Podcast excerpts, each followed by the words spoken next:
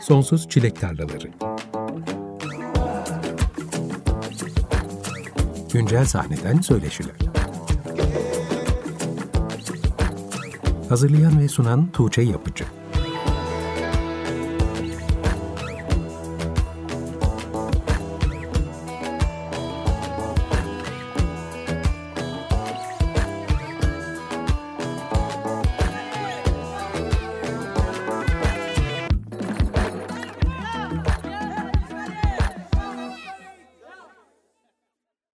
95.0 Açık Radyo'da Sonsuz Çilek Tarlaları programından herkese merhaba. Ben Tuğçe Yapıcı. Programa Okyanus Orientalis'in İlhan Erşahin'le birlikte yaptığı Age of Anime adlı parçayla başladık. Ex Nihilo albümünden de bu parça.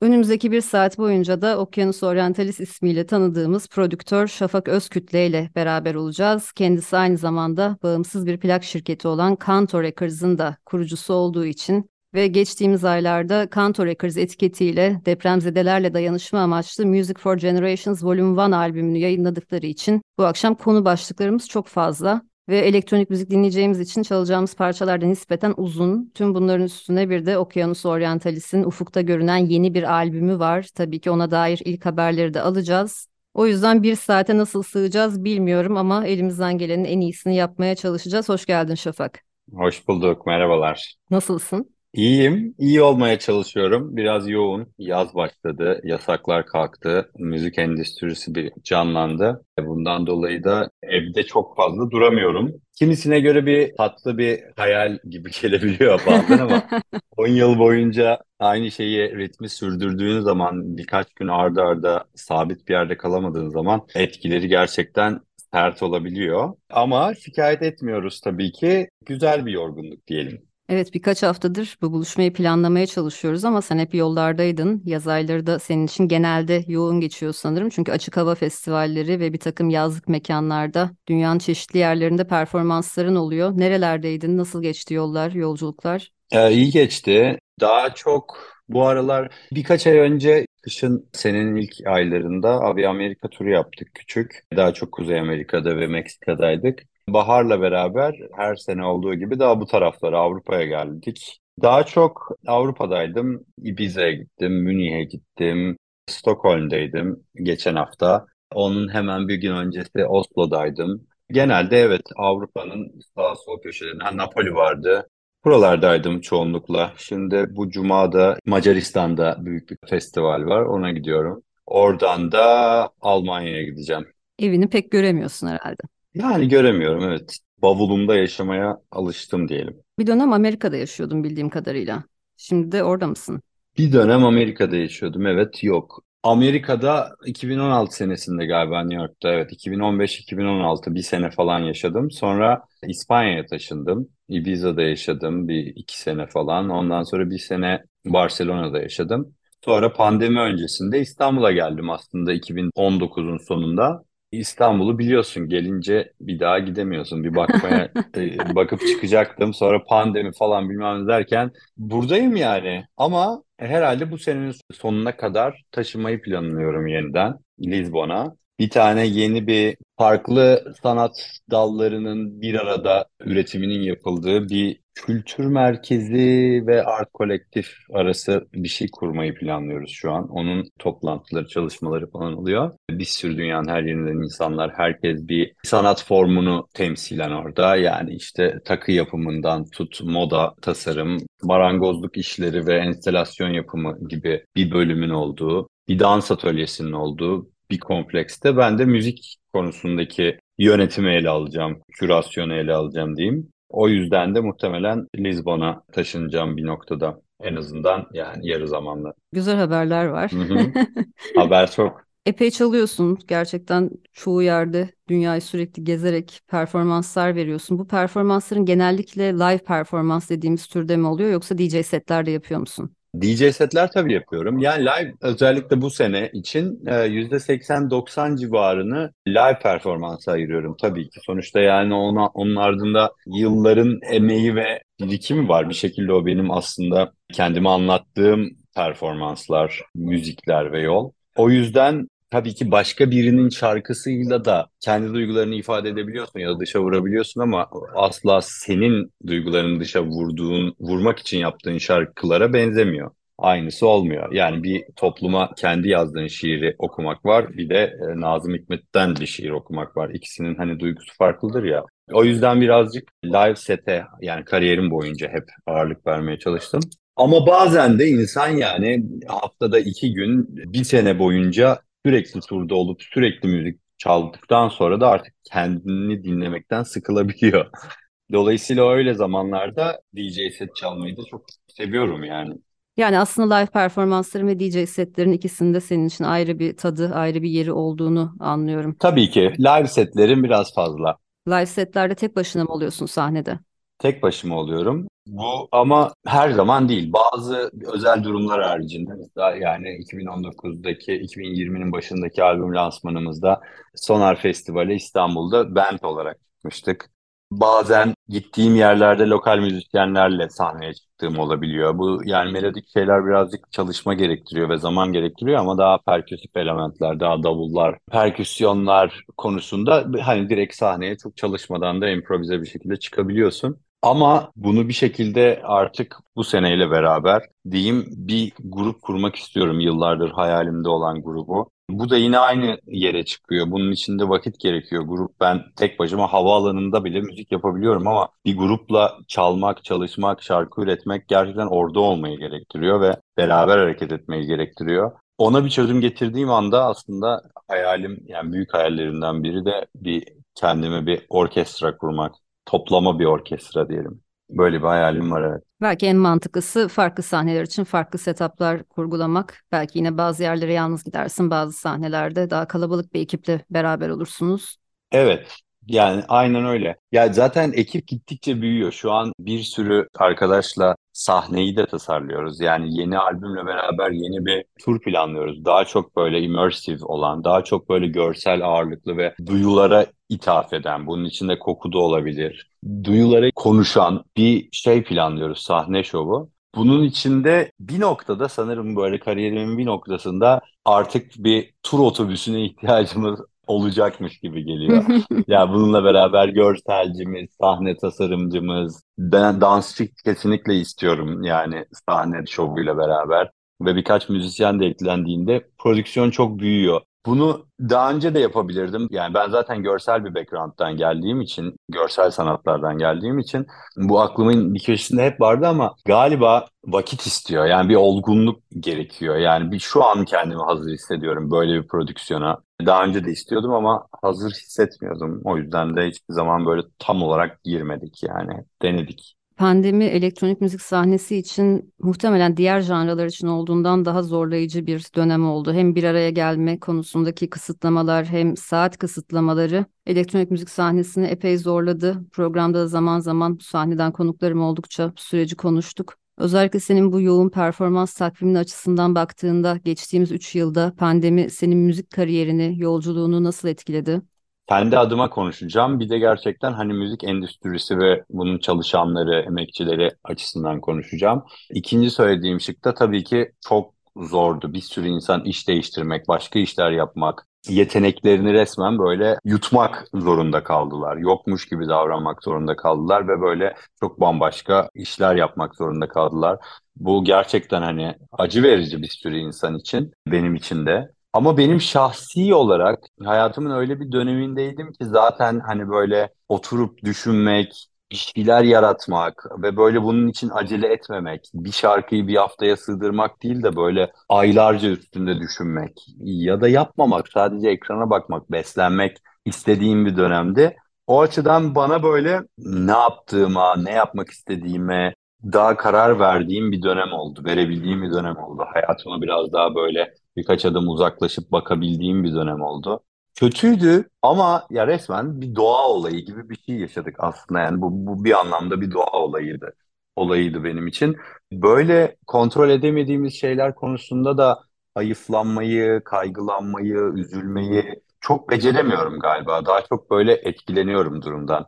İnsanların yaşadığı bu böyle struggle açısından çok etkileniyorum ama bir yandan da yani doğa anayı çok da fazla şey yapamıyorum böyle isyan edip ah niye böyle oldu falan bir şekilde uyum sağlamaya çalışıyorsun. Yani nehre düştüğünde bir şekilde gidiyorsun gidebildiğin yere kadar bir çıkış noktası verene kadar sana o.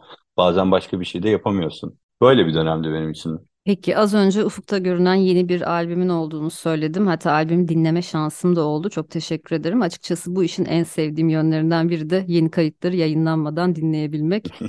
Senin albümünün yayınlanmasında sanırım birkaç ay daha var. Benimle albüme dair bir takım bilgileri de paylaştınız ama bu aşamada hangileri kesin bilgilerdir, hangileri hala değişebilir durumdadır bilemiyorum. O yüzden ben confidential bir bilgi paylaşmamak adına bunları senden duyalım istiyorum. Öncelikle yeni albümün ne zaman yayınlanacak? Yeni albümün ilk single'ı yani herhalde 3 single artı albüm olarak sonrasında albüm olarak düşünüyoruz. İlk single bu sene Kasım ayı gibi yayınlanacak. İkincisi Ocak gibi yayınlanacak. Üçüncüsünü Şubat gibi yayınlamayı düşünüyoruz. Ardından da Mart'ta da albümü plak ve dijital olarak yayınlamayı düşünüyoruz. Albümün ismi Şimdilik belli mi? albümün ismi belli. Onu söylüyordum. Albümün ismi belli değil. Ya belliydi. Sonra bir süre böyle baktıktan sonra ya, yani çok da içime sinmedi.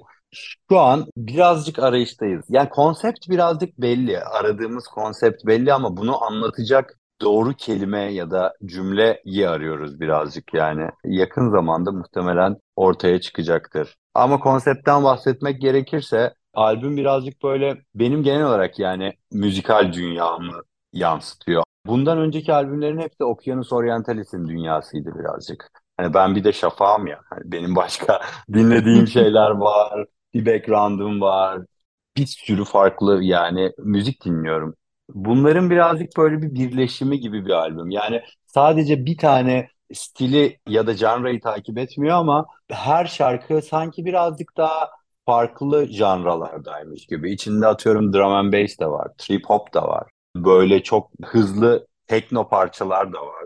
House da var. Ya da bununla beraber işte biraz böyle Etiyopyan caz havaları da var. Çok iyi böyle Etiyopyalı bir caz sanatçıyla yaptığımız bir kolaborasyon var çünkü albümde. O yüzden de yani bu çeşitlilik aslında konseptimiz genel olarak çeşitlilik. E, çeşitliliğin güzelliği ya da bir arada yaşıyor olabilmesi ne dair bir şey. İsmini hala arıyoruz dediğim gibi. Ben zaten kendi müziğini hiçbir zaman tek bir janrayla tanımlamayı tercih etmedim bugüne kadar. Evet, Bu senin için yeni bir şey değil ama bu belki de biraz daha fazla çeşitlilik, daha fazla renk barındıran hem Okyanus Orientalis'in hem de Şafak'ın farklı renklerini görebileceğimiz bir albüm olacak. Sanki diskografinde daha farklı bir yer tutacak gibi hissediyorum. Evet, bence de öyle. Yani şöyle, ben her zaman farklı farklı şeyler yapmaya çalışıyorum ama her albümün belli bir konsepti oluyor ve her- o her albümde ya da EP neyse onun içindeki şarkılar belli bir şekilde birbiriyle tutarlı oluyor. Sonra atıyorum 3 ay sonra başka bir şey yayınladığımda bir önceki albümle çok alakası olmuyor ama kendi içinde tutarlı oluyor. Bunun özelliği aslında tek bir albüm içinde çok farklı tarzları aynı anda barındırabilmesi. O anlamda birazcık bana farklı geliyor ve genelden de baktığımızda aslında benim yaptığım en hızlı, en böyle dansa uygun yani da- dance floor'a uygun şeylerden biri olabilir albümlerden diyeyim. Diğerleri daha çok hani dinlenmelik de olabilir. Yani, gerçi öyle diyemem. Yani herkes her şeyi her yerde dinleyebiliyor. Ama dediğim gibi en hızlı tempolu 127 BPM'lere kadar çıkabilen hayatının birçoğunun 85 ile 95 BPM şarkı yapmış bir şey olarak benim için bayağı bir devrim yani birazcık. Şafak senin çalışmalarından daha uzun uzun konuşalım isterim ama çok fazla farklı alanda çalışmam var. O yüzden programın ikinci bölümünde Music for Generations albümünden bahsedeceğiz. Çok da özel bir albüm. Oradan bir parça seçtim bu akşam bize. Geju'dan O-I-A. Belki biraz bize bu parçadan bahsedersin Geju'dan ya da. Evet yani Geju Moskova base'li bir ikili. George'la Deniz benim de sevdiğim eski arkadaşlarımdan. Bence down tempo house konusunda önemli bir yerleri olduğunu düşünüyorum.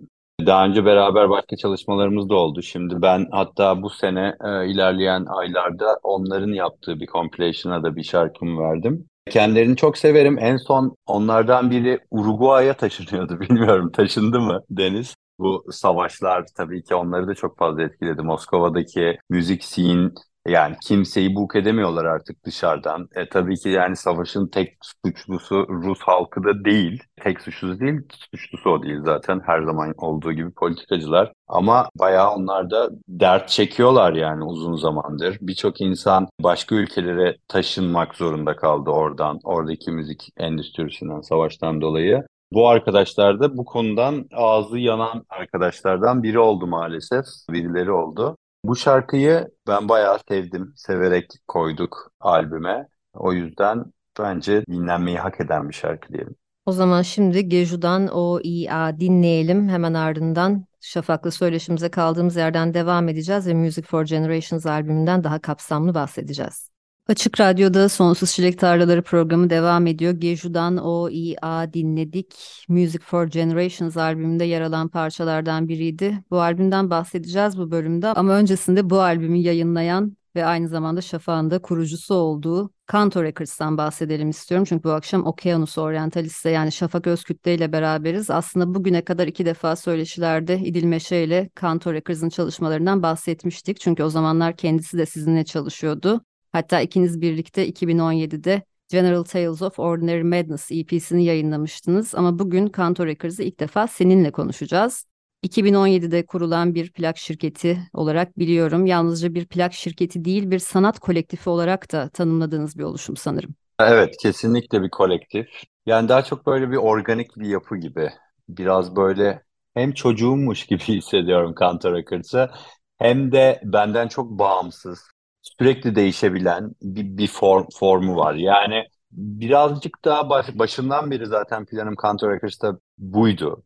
Yani böyle bir tane plak şirketim olsun da illa sürekli bir şeyler yayınlayalım değil de gerçekten çok sakin bir şekilde hiçbir beklenti olmadan neredeyse bir şekilde ilerleyelim istedim. Dolayısıyla e, bir şey yayınlamak zorunda da olduğumuz için değil de gerçekten sevip değer verdiğimiz şeyleri yayınlamak diye düşündüm, planlıyordum.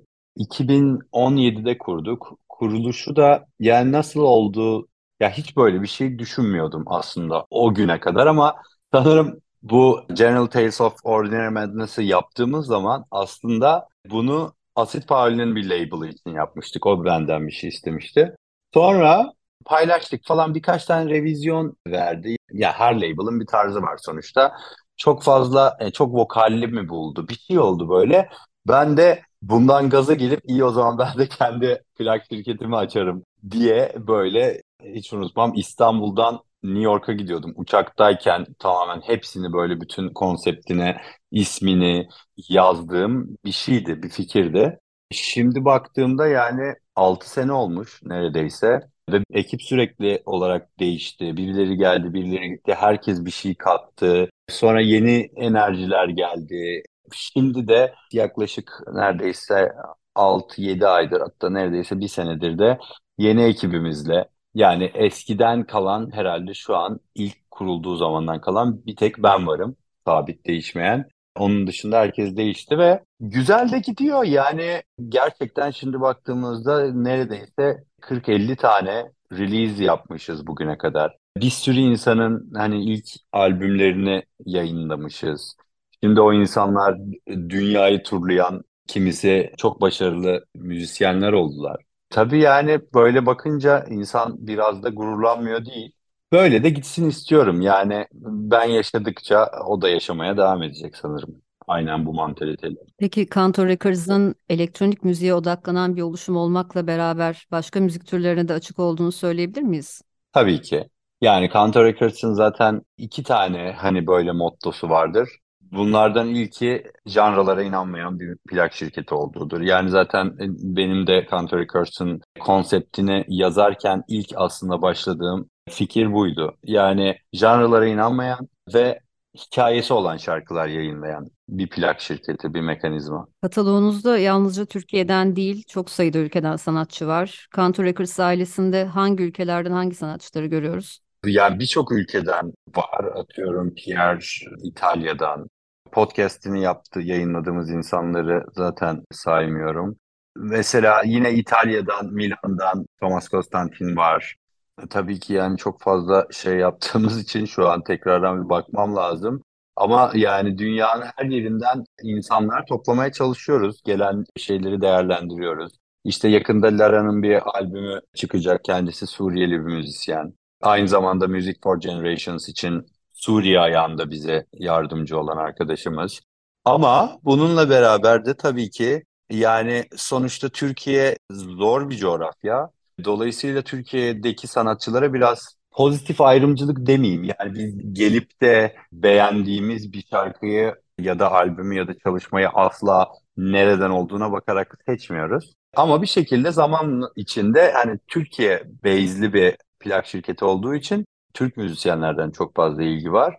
E, Zaten yani Türkiye'de de çok öyle sesini yükseltebileceğimiz daha böyle indie sanatçıları kapsayan, kucak açan, bir şans veren çok fazla da bir mekanizma olmadığı için bence doğru bir şey olduğunu düşünüyorum bunun da. Yani Berlin'e gittiğinizde 50 tane, 100 tane kolektif vardır sadece down tempo müzik için belki yani ya da hani belli bir e, birkaç janrayı kapsayan. Amerika'ya gittiğinizde keza aynı. Yani e, Hollanda'ya gittiğinizde keza benzer. O yüzden evet yani Türkiye'deki bir eksikliği biraz olsun doldurmaya çalışıyor diyelim bu anlamda. Aslında senelerdir dünyanın çeşitli yerlerinde kanto showcase'leri gerçekleştiriyorsunuz. Bir de geçen yılın sonunda başlattığınız Şok Kültürel adında bir etkinlik seriniz var. İlki Paris'te, ikincisi İstanbul'da, Babilon'da gerçekleşti. Hı hı. Şok Kültürel etkinliklerindeki ambiyansı biraz tarif eder misin dinleyenler için? Ee, şok kültürel de aslında çıkış noktası hem isim hem konsept olarak Kanto'nun az önce bahsettiğim ilk mottosuna dayanan janralara inanmayan bir konsept. Bundan dolayı da birazcık böyle yani kültür şoku ya- yaşatmayı aslında amaçlıyor birazcık. Böyle ilk şeyde Paris'teki mesela etkinlikte işte görselcimiz böyle görselci bir sürü bir yerden böyle bir yerlerden biz Scottish'larla besledik onu falan nasıl göstereceğiz. Ya önde çok alakasız bir müzik çalarken arkada yine aşırı politik görüntüler dönüyor. Bir bir şeyler oluyor, savaşlar bilmem neler. E, Müzik çok funky kalabiliyor. E, gelen insanlar da gerçekten birazcık öyle. Yani çok fazla far- farklı türden müziği kapsadığı için e, yani şeyden korkmuyoruz mesela. Yani çok kültürelde de aynı şekilde. Aman işte hani gece kulübünün ya da elektronik müziğin bir düsturu vardır ya işte yavaş çalanlar erken çalar ondan sonra gittikçe hızlanır. İşte eğer siz ne bileyim bir kumbiya parça ya da çok yavaş kalabilecek bir klasik müzik gecenin ikisinde çal- çalıyor olmanız, çalabilmenizin ihtimali bile düşünülemez gecenin akışı olarak. Bu akışı birazcık kırmak istiyoruz. Şok kısmı birazcık da buradan geliyor. Yani ben kesinlikle mesela bir yerde bir sahnede çok böyle bangır bangır tekno çalarken bir başka sahnede bir live bandin çok yavaş bir müzik çalmasından yanayım. Hatta caz bile olabilir. Gecenin saat kaçı olursa olsun. Bu bir seçenek veriyor insanlara.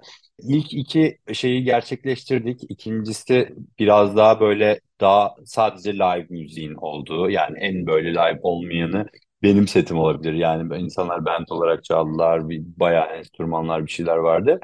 Bundan sonraki hedeflerimiz de sıradaki etkinliklerde birden fazla stage'in olduğu. Yani bunun da konseptini yıllar önce öyle düşünmüştüm zaten. Yani dediğim gibi az önce bir yerde sadece DJ'lerin çaldığı, bir yerde sadece live bandlerin çaldığı, bir de küçük üçüncü bir böyle alternatif stage olarak şiir stage'i mesela. Birinin oturup sadece şiir okuduğu bir stage. Yani bu da bir performans. Bu da bence müzik kadar önemli ve hani oturup böyle onunla beraber akabileceğim bir content aslında. Unutulmaması gereken ve dikkat edilmesi gereken böyle bir şeyler tasarlıyoruz. Gelecekte de şu an işte bir tane Lizbon'da, bir tane Berlin'de Monopol diye bir yer var. Bu bahsettiğim şeyler sonbahar kış aylarında olacak.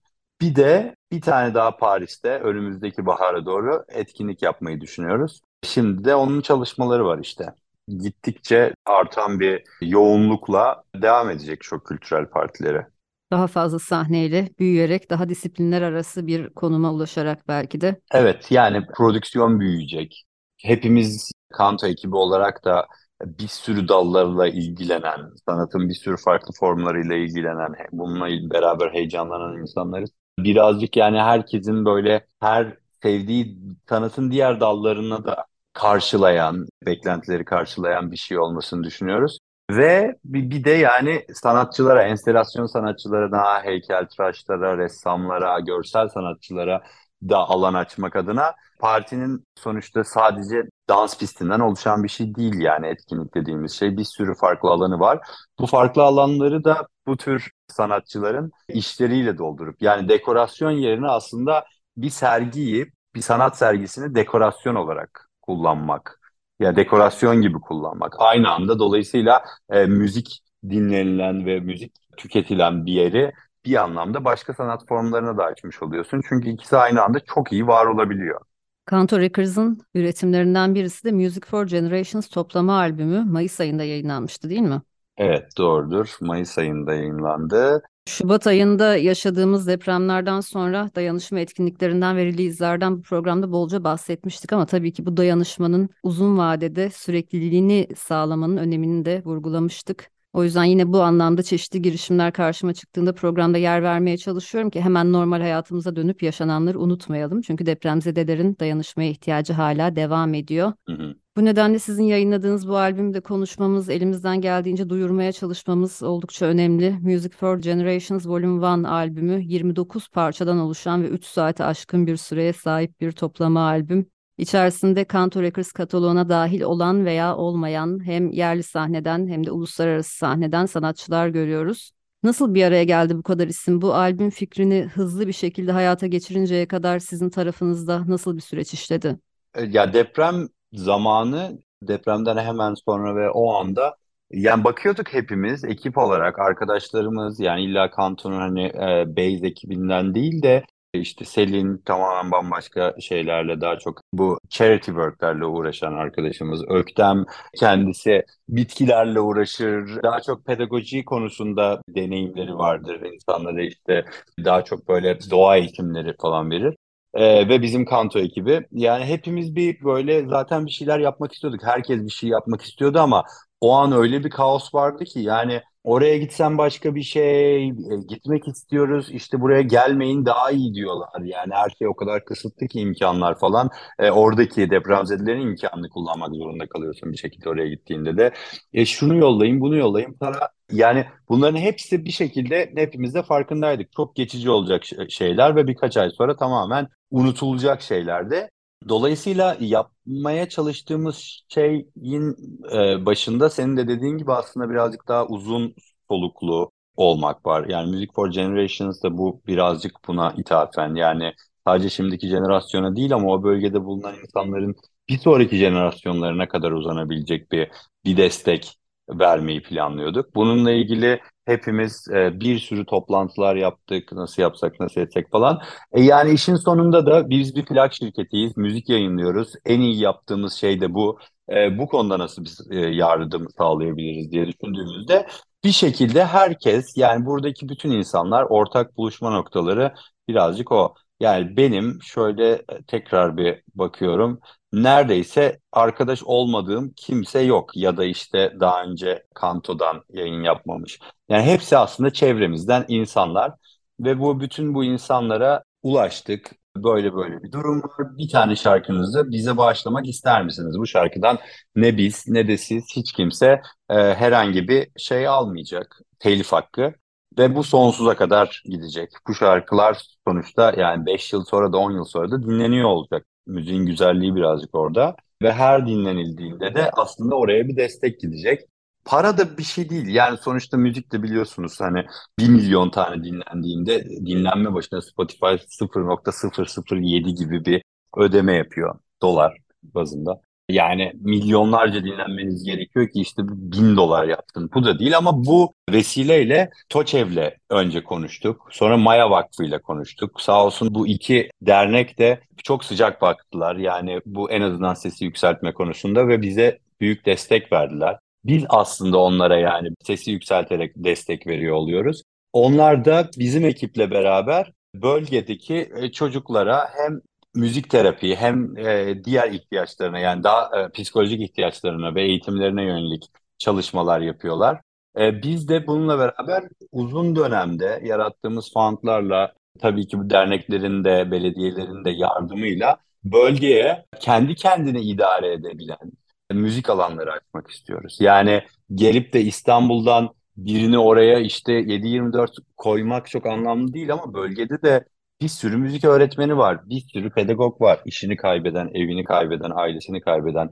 Bu insanların yönettiği alanlar açıp bu insanlara belki ilham, belki eğitim, belki e, malzeme ve bilgi desteği sağlayıp insanların daha çok kendi geleceklerini şekillendirmesine ön ayak olmak istiyoruz aslında bir anlamda. Projenin özü bu. Dinleyiciler bu albümü ve albümdeki parçaları dijital platformlardan dinlediklerinde bunların telif gelirleri bu projelere gidiyor. Satın alarak da destek olma imkanı var mı? Tabii ki. Ya işte Bandcamp'ten satın alabilirler ya da Apple Müzik'ten satın alabilirler tabii ki. Ya da işte fantlarımız var bununla ilgili. Bu fantlar linklere bizim sosyal medyalardan, Kanton'un sosyal medyasından, web sitesinden vesaire ulaşabilirler. Buralardan da tabii ki karşılığında albümü de alarak daha büyük destek olmak isteyenler için de böyle fonlarımız var. Bu fonlar zaten e, hiç bize bile bağlı değil. Direkt olarak TOÇEV ve Maya Vakfı'na gidiyor onların hesaplarına ve bir şekilde insanların geleceğini, çocukların geleceğini ve gençlerin geleceğini şekillendirmek için kullanılıyor.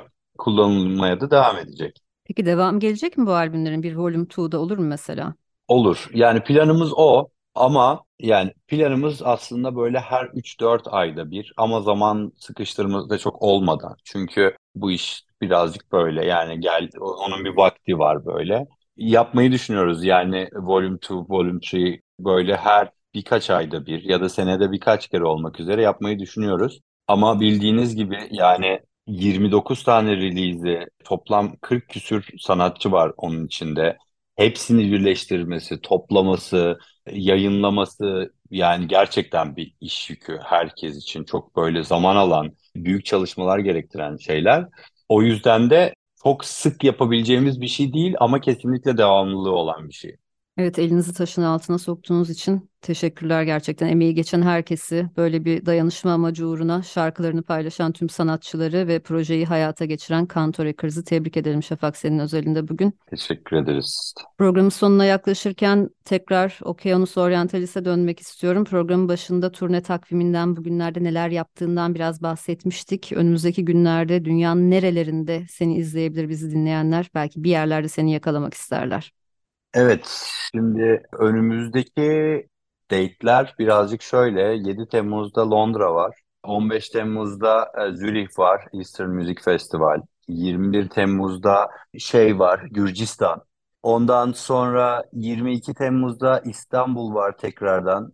Sonrasında Romanya var 23 Temmuz'da. 26 Temmuz'da Boom Festival var. Dünyanın en köklü ve eski Psytrance e, festivallerinden biri ama yani bütün dünya müziklerini de e, kapsayan. Ondan sonra 12 Ağustos e, Ibiza var, 19 Ağustos Romanya var tekrardan Smida Jazz Festival. Bununla beraber 26 Ağustos'ta Antalya var. Mikonos var 29 Ağustos'ta. İstanbul var tekrardan e, 9 Eylül'de. 10 Eylül'de de yeniden Ibiza var. Sonra da herhalde yavaş yavaş Ekim, Kasım gibi de galiba Ekim gibi e, bir, bir Asya turu planlıyoruz. Daha böyle Tayland, Hong Kong, e, Bali birazcık oralar. Ondan sonra da Aralık ayıyla beraber de Amerika turuna başlayacağız. Sonra Şubat gibi de güneye inip Güney Amerika turu yapacağız. E, Brezilya, işte orada karnaval zamanı güzel oluyor tam o zamanlar. Belki Arjantin, belki Kolombiya, Meksika gibi planlar var şimdilik. Yani bütün yaz hatta önümüzdeki kışta yine hep yollarda olacaksın. Dinleyenler de seni bir yerlerde yakalamak istiyorlarsa Okyanus Orientalis hesabından seni takipte kalabilirler. Aynı zamanda Kanto Records hesabında takip edebilirler. Böylelikle hem Kanto Records'ın yeni release'lerini hem de yeni etkinlikleri duyabilirler, haberdar olabilirler bunlardan. Evet. Öyleyse önümüzdeki yaz boyunca seni bir yerlerde yakalamaya çalışıyoruz ve şimdilik yeni albümünü beklemeye devam ediyoruz. Bu akşam bizimle albüme dair bir takım detayları paylaştığın için teşekkür ederim. Bu seninle ilk söyleşimiz oldu. Biraz geç kaldık bence bunu yapmak için ama bu akşam biraz olsun arayı kapatmış olduk diye düşünüyorum. Belki albüm çıkınca tekrar gelirsin. O zaman da albümdeki parçaları dinleriz ve üzerine rahat rahat konuşuruz. Bu akşam çalacağımız parçaları senin seçmeni istedim. Sen de daha çok Music for Generations albümünden çalmak istedim. Böyle bir nezaket gösterdin. Bir sonraki programda daha çok senin çalışmalarına odaklanırız. Tabii. Zaten Kanto Records cephesinde de gelişmeler olmaya devam edecektir. Biz takipte kalacağız ve bundan sonra da daha sık buluşacağız diye umuyorum. Yoğun takvimin arasında vakit ayırdığın için çok teşekkür ederim Şafak. Son olarak eklemek istediğim bir şey olur mu? Ben teşekkür ederim. Ne demek? Güzeldi, güzel bir konuşmaydı. Evet, böyle uzun zamandan sonra ilk kez yapınca konuşulacak çok şey oldu. O yüzden bayağı bir diyalog oldu. Ama umarım daha sık yaparız. Yani eklemek istediğim çok bir şey yok. Dediğim gibi her yerdeyim. İnsanlar da çoğunlukla soruyor neredesin, nasıl yakalayabiliriz falan. Seçenek çok. Bir yerlerde görüşürüz hepinizde. Çok teşekkürler tekrar. Bu haftalıkta Sonsuz Çilek Tarlalarının sonuna geldik. Bu akşam Okyanus Orientalis yani Şafak Özkütle ile beraberdik. Yakında yayınlayacağı yeni albümünü, kurucusu olduğu Kanto Records'ın çalışmalarını ve depremzedelerle dayanışma amacıyla Kanto Records etiketiyle yayınladıkları Music for Generations albümünü konuştuk. Son olarak sizlere bu albümden Chic Chic ve V Runo'nun Modada Gece adlı parçasıyla veda edeceğiz. Gelecek pazartesi aynı saatte görüşünceye kadar hoşçakalın.